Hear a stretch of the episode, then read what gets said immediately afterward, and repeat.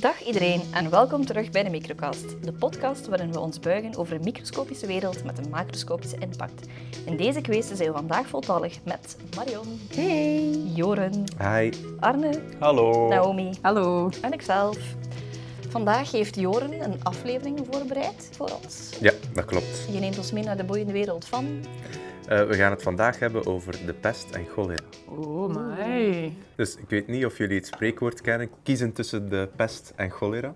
eh, al van gehoord. Dat betekent eigenlijk dat je moet kiezen tussen twee slechte opties. En vandaag gaan we dus eigenlijk bepalen wat is nu eigenlijk de slechtste optie en waar moet je dus niet voor kiezen. Oké.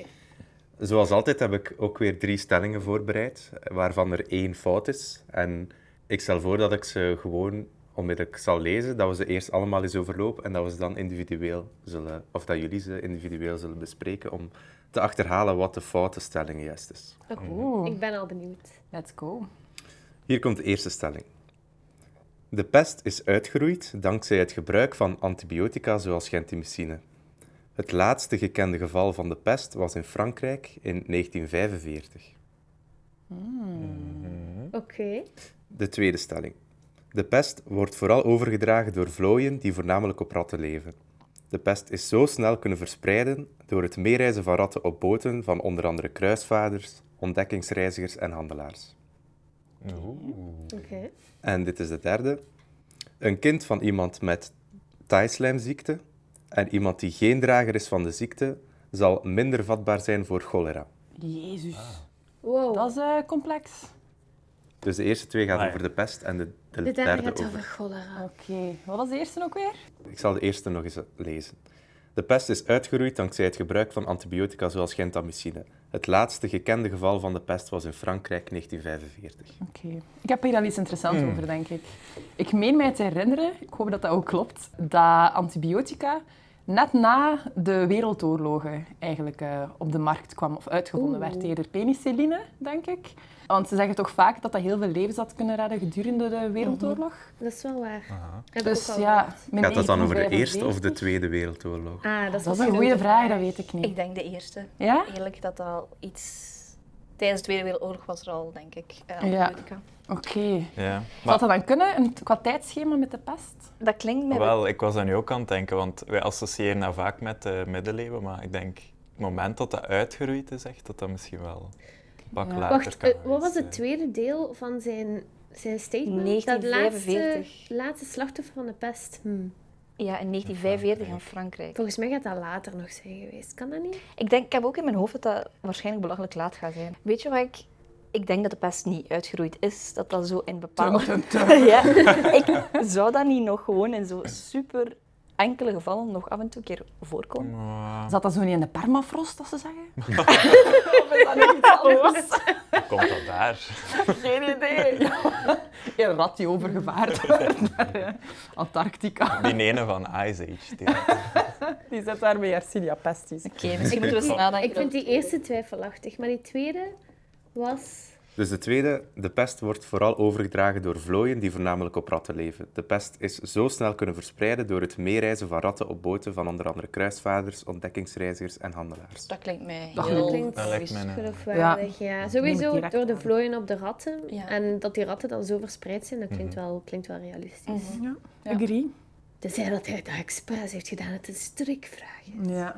wat was die van cholera nu weer? De laatste is een kind van iemand met thaislijmziekte en iemand die geen drager is van de ziekte zal minder vatbaar zijn voor cholera. Ik denk dat dat de leugen is, want dat is, dat is zo, maar het is niet cholera, maar het is een andere ziekte. Nu, de- het gebeurt wel soms dat er bepaalde ziektes zorgen dat je meer immuun bent voor een andere ziekte. Hè? Like Ja. bij sikkelcelanemie. Daarbij is het malaria dat je meer Ja. aan Inderdaad. resistent bent. Dus het zou me wel nog logisch lijken dat je eh, zoiets misschien ook met, met thaislijmziekte, dus mucoviscidose hebt. Ja, maar ik denk niet dat het cholera is. Nee. Ik denk dat dat de leugen Maar is. Dat gaat toch Ah. een luchtwegziekte zijn dan toch? Ik denk het ook. Ja, En ik daar denk niet. inderdaad dat het HIV is. Oplost? Oké. Oké, maar interessant, ja. Ja, we zullen misschien eens overlopen welke stelling denken jullie dat er fout is. We zullen beginnen bij Marion. Oh, ik ben echt keihard aan het twijfelen. Ehm, just for fun ga ik zeggen dat de eerste stelling fout is. Arne? Hmm, ik denk... Ik denk de derde. Mhm. Ik denk het ook. En Naomi? Ik ga voor evenwicht in de ruimte te bewaren één zeggen. Oké, Nu is het dus twee. het is 2-2. Ehm, anders moeten we eens, omdat we vandaag gaan bepalen wat nu het slechtste is, Ja. Cholera of de Pest, op voorhand, voordat we alle uitleg gekregen hebben, bepalen welk zouden jullie het liefst hebben, om dan te zien op het einde van de aflevering of jullie nog altijd Ja. hetzelfde Oké, ik denk ehm, dat ik liever cholera zou hebben. Het lijkt mij verschrikkelijk om de hele dag eh, op het toilet te zitten. maar ehm, ik denk dat dat minder dodelijk is, denk ik. Oeh, dat Dan de weet ik pest. niet. En eh, dat lijkt mij een goed criterium, dodelijkheid.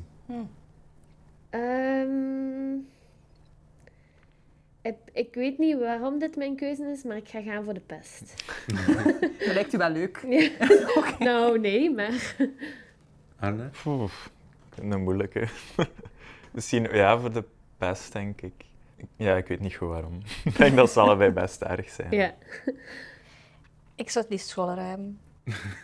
ze is dus overtuigd. Cholera. Goed. Als, Ja. je, als je moet kiezen, hè. Ik denk dat mensen nu ook nog cholera hebben. Allee, nee, dat is zo. En in Ja. onze- als ik hier cholera zou krijgen, denk ik dat ik daar vanaf ben binnen een dag. Ja, maar nee, dat is niet de vraag, hè. Maar, de- Het is niet nu cholera, het is toen cholera. maar cholera is er al altijd geweest. Ja. Maar- Dat- ik vind het een moeilijk, ja. Oké, we zullen het eens de, de antwoorden overlopen. Dan. Ja. dan gaan er meer duidelijkheid zijn. Oké. Dus de foute stelling was de eerste stelling. Verdikke, ja, goed. Ah, nice. High five.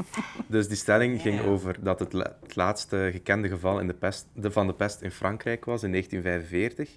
Dat is waar voor Frankrijk, maar sindsdien is er tussen 2013 en 2018 zijn er nog 3000 nieuwe gevallen van de pest. 3000. Ik dacht dat ik Dus zoiets... Het was echt... Ja, nee, ik had zo'n vermoeden. Ja. Ik denk dat ik zoiets al een keer had gelezen. Ah, ja. Ja, maar dat is, in Europa is het uitgeroeid, maar het zijn wel in landen van, van Sub-Saharisch Afrika, Azië en Amerika dat de pest nog kan voorkomen. Ja, Dus dacht ik. in tegenstelling tot wat veel mensen denken, is de pest nog niet uitgeroeid. Mhm. Oh. Eh, en ik zal al meteen ook de tweede stelling, voordat ik wat meer uitleg begin te geven. De tweede stelling was dus juist. Het is dus inderdaad zo door die vlooien dat op de ratten leefden, eh, die dat eigenlijk de pest konden overbrengen naar mensen. En die werden ook verspreid eh, door onder andere mee te reizen op schepen en zo over de hele wereld verspreid geraakt. Ik heb een vraag voor jullie. Hoe zouden jullie bepalen waar het eerste geval van de pest opdook? Hoe zou je dat kunnen achterhalen? Oeh. Oei, Geen flauw idee. wauw. De, hoe noemen ze dat? De oerrotse De oerrat. De, de patient zero. Rat zero. Hoewel, het zijn het niet de ratten, hè? Toch? Het zijn de vlooien. vlooien. De Ja, maar oervlooien. is het de eerste persoon die de pest heeft gehad dat je zou willen achterhalen? Of de eerste Ja. plaats waar het gewoon is De eerste plaats. voorgekomen? Ja. Oef, dat is een moeilijke. Laat het de pest, de bacterie, iets achter in je DNA, een spoor. Eh, nee, behalve dan de bacterie zelf. Dus je kunt wel het DNA van de bacterie terugvinden in de slachtoffers. Oké, dus eigenlijk moeten we gewoon zoeken naar het oudste. Ja, dat klopt wel ongeveer. Ja. Dus wetenschappers hebben eigenlijk, ze denken toch dat ze de oorsprong van de pest gevonden hebben. Eh, dat was volgens hun in Kyrgyzstan in een land in Centraal-Azië. Ze hebben daar een begraafplaats gevonden de- met dus allemaal grafzerken. En ze vonden dat er uitzonderlijk veel van die grafzerken waren in de periode 1338 en 1339. En op sommige van die grafstenen stond ook iets van pest vermeld. Dus, of toch iets dat op de pest leek vermeld. Dus ze zijn verder gaan onderzoeken. En met behulp van archeologische opgravingen van deze begraafplaats hebben ze DNA gehaald uit zeven personen die daar lagen. En ze hebben dus inderdaad DNA van die pestbacterie gevonden. Die stam zou een voorouderstam geweest zijn van de Zwarte Dood, dus in 1338. En de Zwarte Dood was eh, eigenlijk een paar jaar later. Ja, en sindsdien is eigenlijk een, een hele explosie ontstaan. Het is een, een interessant verhaal daarbij. Het is, komt eigenlijk door het Mongoolse Rijk, dat dus die ziekte heeft meegenomen, die ja, Europa aan het aanvallen waren o- destijds. En historische verslagen geloven dat de pest Europa is binnengekomen vanuit Oost- en Centraal-Azië tijdens de bestorming van Theodosië. Dat is een havenstad in eh, Oekraïne, aan de Zwarte Zee. Dat is belangrijk, die Zwarte Zee, voor die verspreiding van de ziekte. Het Mongools Rijk ging daar de stad belegeren. En ze waren eigenlijk aan het verliezen. En ze hebben besloten om hun zieke soldaten, de lijken ervan, in de stad te gooien. En die waren dus besmet met die pestbacterie. Eh, en van daaruit is die ziekte verder kunnen ontstaan en via de scheepshandel nog meer over de hele wereld vervoerd. Amai. Allee, jong. Dat Dat is, echt Ah, die wel, dat hebben geweten, wat dat die veroorzaakt hebben. dat is echt wel een andere interpretatie van biological warfare. Ja, toen al. ja, maar amai. ja. Ja, je Wow. zegt daar iets van biological warfare. Dat is ook door de Chinezen, ik weet niet precies in welk jaar, maar dat wordt... eh, Dat was zo vrij recent, een paar honderd jaar geleden, dat ze echt de pest gingen werpen op hun vijanden in de hoop dat die ziek gingen worden en, en dat die gingen sterven aan. de ziekte. Wow. En wisten die toen al wat dat de, de pest veroorzaakte, dat dat een bacterie was? Was daar al kennis Nee. over in die tijd? Nee, daar, daar was heel weinig over gekend. Maar dus, eh hier net zei Naomi dat dus die pestbacterie, die heet Yersinia pestis. Dat komt dus eigenlijk door meneer Alexandre Yersin. Dat was een Frans-Zwitserse arts eh, die dus eigenlijk zijn naam aan de bacterie gegeven heeft. En die heeft ontdekt in 1894 pas tijdens een epidemie in Hongkong dat die bacterie verantwoordelijk is voor de pest. Oef. Amai. Ja, en daar hebben we dan uw naam aan gegeven. Oké, dat was wel een hele geschiedenisles. hè? Ja. Ja, Ah, heel interessant. Dus ja, die pest die komt toch dus nog altijd voor. Ja, ik heb verschillende bronnen gevonden. Per jaar zeggen ze 4000 mensen dan nog de pest krijgen, maar andere bronnen zeiden dat het er minder waren. Alleszins het komt dus wel door die flow dat op die ratten leeft. En dan vooral de zwarte rat was daar een belangrijke, heeft daar een belangrijke rol in gespeeld. Eh, die flow die, die zuigt eigenlijk bloed uit de rat. En die kan daarbij die bacteriën, die pestbacteriën, mee opnemen.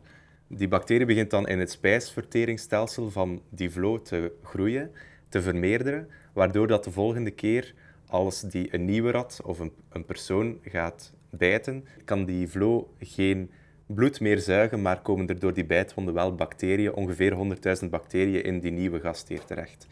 En zo is die dus kunnen, ja, kunnen verspreiden. Waren die ratten daar dan eigenlijk ook ziek van? U- Eh, Uiteindelijk stierven die ratten daar ook aan. Ja. En dat nu zo wat dezelfde symptomen. Wat zijn de symptomen van de pest eigenlijk? Er zijn eigenlijk verschillende soorten pest. Eh, de belangrijkste of de meest voorkomende is de builenpest. Ik weet niet of jullie daar al van gehoord hebben. Ja. In Mhm. de films. Middeleeuwse films. Ja, De Bubonic Plague. bubonic plague inderdaad. Dus dat komt dus door die pestbacterie. De eerste symptomen van de builenpest treden zo twee tot vijf dagen na besmetting op. En dat gaat meestal gepaard met zeer pijnlijke lymfeklierzwellingen. Dus dat zijn dus die builen dat ontstaan.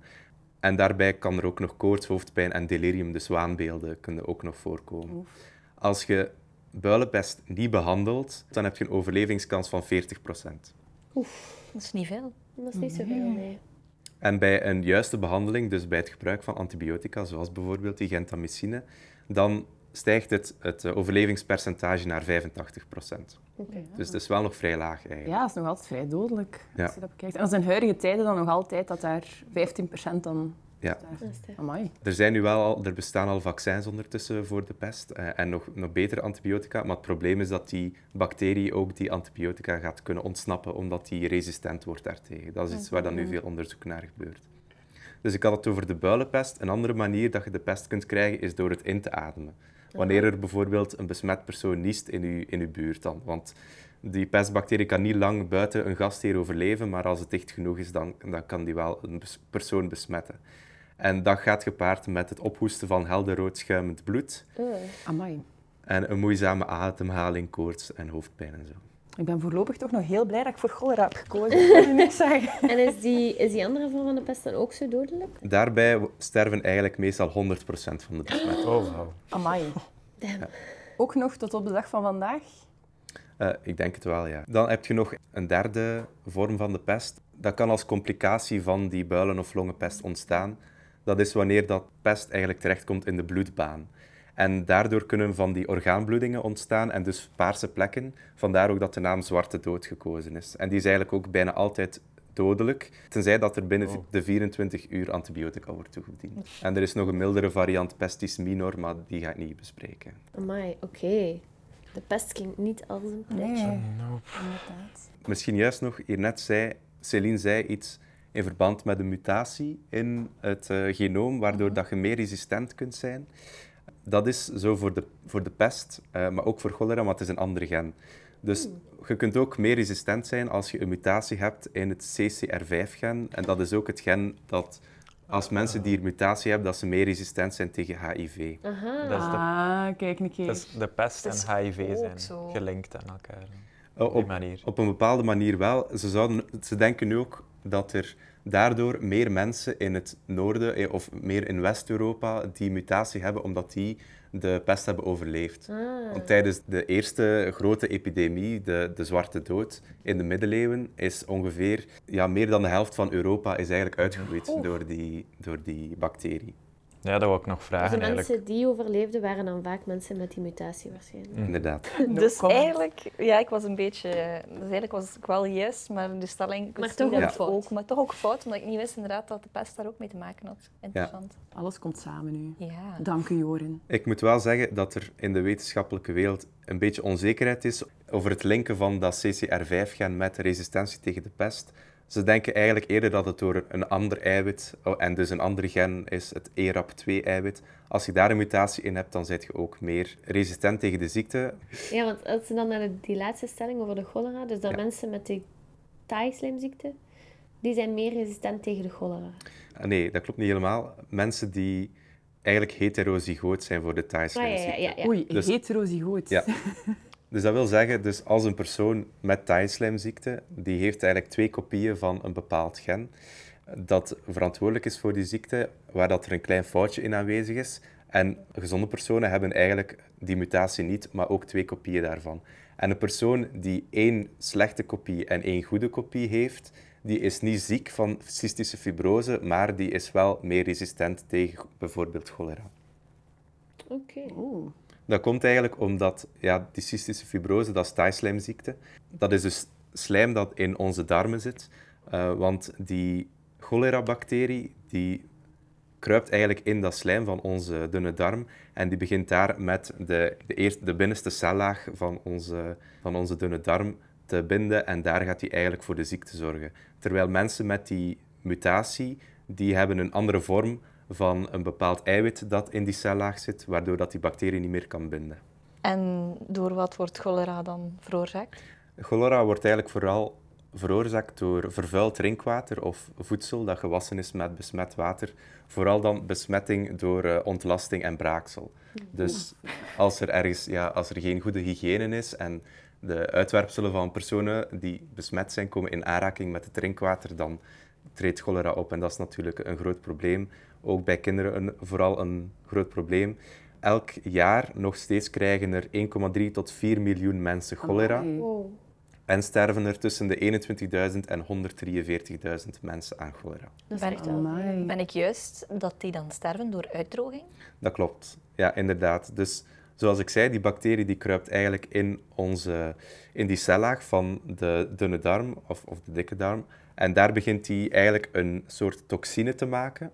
En dat is een bepaald eiwit dat daar in de cel wordt opgenomen en er uiteindelijk voor gaat zorgen dat er water wordt vrijgegeven. Dus al het water gaat uit de cellen, komt in onze spijsvertering terecht en verlaat ook het lichaam, waardoor dat er uitdroging optreedt. Dat wordt ook wel rijstwater genoemd, eh, omwille van de kleur en de consistentie. Oh man, oh, ik ga nooit meer hetzelfde naar Ja. Thanks, Joren. Amai, En eh heb je ook statistieken over de overlevingskans van iemand met cholera? Ja, dus zonder behandeling heb je een 50 tot 60 procent kans om te overleven. En na behandeling met antibiotica of ook met vaccins die ontwikkeld zijn, heb je 99 procent kans. om te Oh, oei. Ah, ja, goed. Oké. Ik vraag me wel altijd af. Het is zo minder duidelijk in dit scenario. Vaak kun je zo kijken naar interacties van een gastheer en een micro-organisme. Maar dat dat micro-organisme het er dan aan heeft. Maar wat heeft die cholera-bacterie van ons diarree te geven? Welke Ja. voordelen hebben Welke we? voordelen heeft die dan? Het is een verspreiding. Want er zal waarschijnlijk ook Aha, terug cholera ja. in uw stoelgang zitten. En die Makes kan sense. terug verspreid Oké. worden. Maar het is ook niet altijd zo simpel. Soms is het ook gewoon toch een bacterie die per ongeluk in ons lichaam terechtkomt en daar een ziekte veroorzaakt. Ook al is dat eigenlijk niet per se de bedoeling. Ja, het gaat dikwijls om het vinden van een niche. Dus een Mhm. plaats waar dat je kunt groeien als mens of als dier of als bacterie. Heb je een plaats nodig waar dat je veilig bent en waar dat er niet veel competitie is voor voedingsstoffen. En inderdaad, deze cholera-bacterie heeft, heeft zijn niche nu gevonden in het slijm van onze, van onze darmen. Mhm. Ja, die bacterie bedoelt dat niet slecht als je dat zo kunt- Maar ja, Per het- ongeluk. ja, Dat per is een ongeluk. ongelukkig side effectje van. Die zit daar gewoon ja, zijn Sorry. voedingsstoffen op te doen. En Ja, dat klopt. Ja. Maar ik denk dat salmone- salmonella bijvoorbeeld ons heel ziek maakt, maar eigenlijk niet in ons lichaam wil zijn. Omdat die zijn host is, eh, zijn kippen en dieren met een hogere lichaamstemperatuur dan ons. Ah. Oké. Waarom zouden die dan bij ons? Omdat dat per ongeluk gebeurt. Wij eten Ah, Mm. ja. per ongeluk kippeneieren mm, Of die kip. gecontamineerd zijn, of kip Mhm. die gecontamineerd is Ja. met salmonella. Wij eten die dan, die zit dan in onze darm en gaat daar wel wat schade veroorzaken, maar eigenlijk Ja, kan er wel. zijn ook veel bacteriën die in onze darm zitten die goed zijn voor ons. Die als Absoluut. wij ziek zijn of wat verzwakt zijn of zo, die dan pas ziekte gaan veroorzaken. Ja, een leuk weetje is dat cholera is eerst beschreven door Jacob de Bont, dat was een Nederlander, maar eigenlijk de belangrijkste inzichten, namelijk dat die cholerabacterie via water zich verspreidt, w- is ontdekt door Jon Snow. Dus hij wist toch iets. Ja. you know nothing, Jon Snow klopt dus niet helemaal. You know something, Jon Snow. Snow. Ja, en bij cholera is het dus, ik had gezegd van antibiotica, maar eigenlijk de, het belangrijkste is om terug water aan de patiënt te geven, zodat Mhm. die, het waterpeil terug op, eh, op het juiste niveau zit. Ja. En in het algemeen ook gewoon zorgen voor, voor veilig drinkbaar water. Hè. Dat klopt. Ja, trouwens zijn er hier mensen met een bloedtype O. Ik- Ik, eh, Ah. ook. Hadden jullie cholera of de pest gekozen? ik heb cholera ik gekozen. heb ehm, ook cholera gekozen. Ik denk dat wij de enige zijn. Ah, jullie hebben geluk, want mensen met een bloedtype O zijn... Me... Ah nee, dat is niet waar. Mensen... Opnieuw, opnieuw, Ah, opnieuw. ik weet dat zoveel hoop. jullie hebben geen geluk, want mensen met bloedtype O zijn het meest gevoelig voor de ziekte. Oh, Ah. potverdikke. Ja. Oké, ik... Dus ja, eh, mogen wij onze, onze ziekte nog veranderen van daaruit? Dat mag zeker. Naomi, jij had gezegd cholera. Type O of niet, nog altijd cholera. nog altijd. zo Liever slim, maar oké. rijstwater dan de pest. Eh, Ehm, Marion? Ja, ik ga toch ook mijn eh, keuze veranderen naar de cholera. Het klinken allebei niet echt als fijne ziektes, maar met die ook toch iets meer overlevingskans. Ja. Ja. ja, inderdaad, met als side note dat cholera ook erg is en dat we het allebei liever niet willen natuurlijk. Op basis van de, de sterftecijfers ga ik ook veranderen naar cholera. Ja, oké. En Celine? Ik blijf in mijn keuze, ook al ben ik inderdaad ook negatief. Cholera. Joren, Zo wat wel. kies jij zelf? Oei, dat is een moeilijke. Want ja, als je... Ja, inderdaad. Zoals jullie zeggen, als je de pest behandelt, heb je maar 85% overlevingskans. Terwijl cholera eh, resulteert in 99% overlevingskans. Dus ik denk dat ik ook voor cholera ga kiezen. De vraag is juist of ik liever diarree heb of liever van die builenpest. Eh, Dat, daar ben ik nog niet uit. Ik denk niemand. Ja, nee. nee, maar goed, heel interessant. Bedankt, Jorin. Graag gedaan. Bedankt om te luisteren. Als je meer wil weten of als je nog met vragen zit, bekijk dan zeker onze Facebook, Twitter en Instagram door te zoeken naar de Microcast.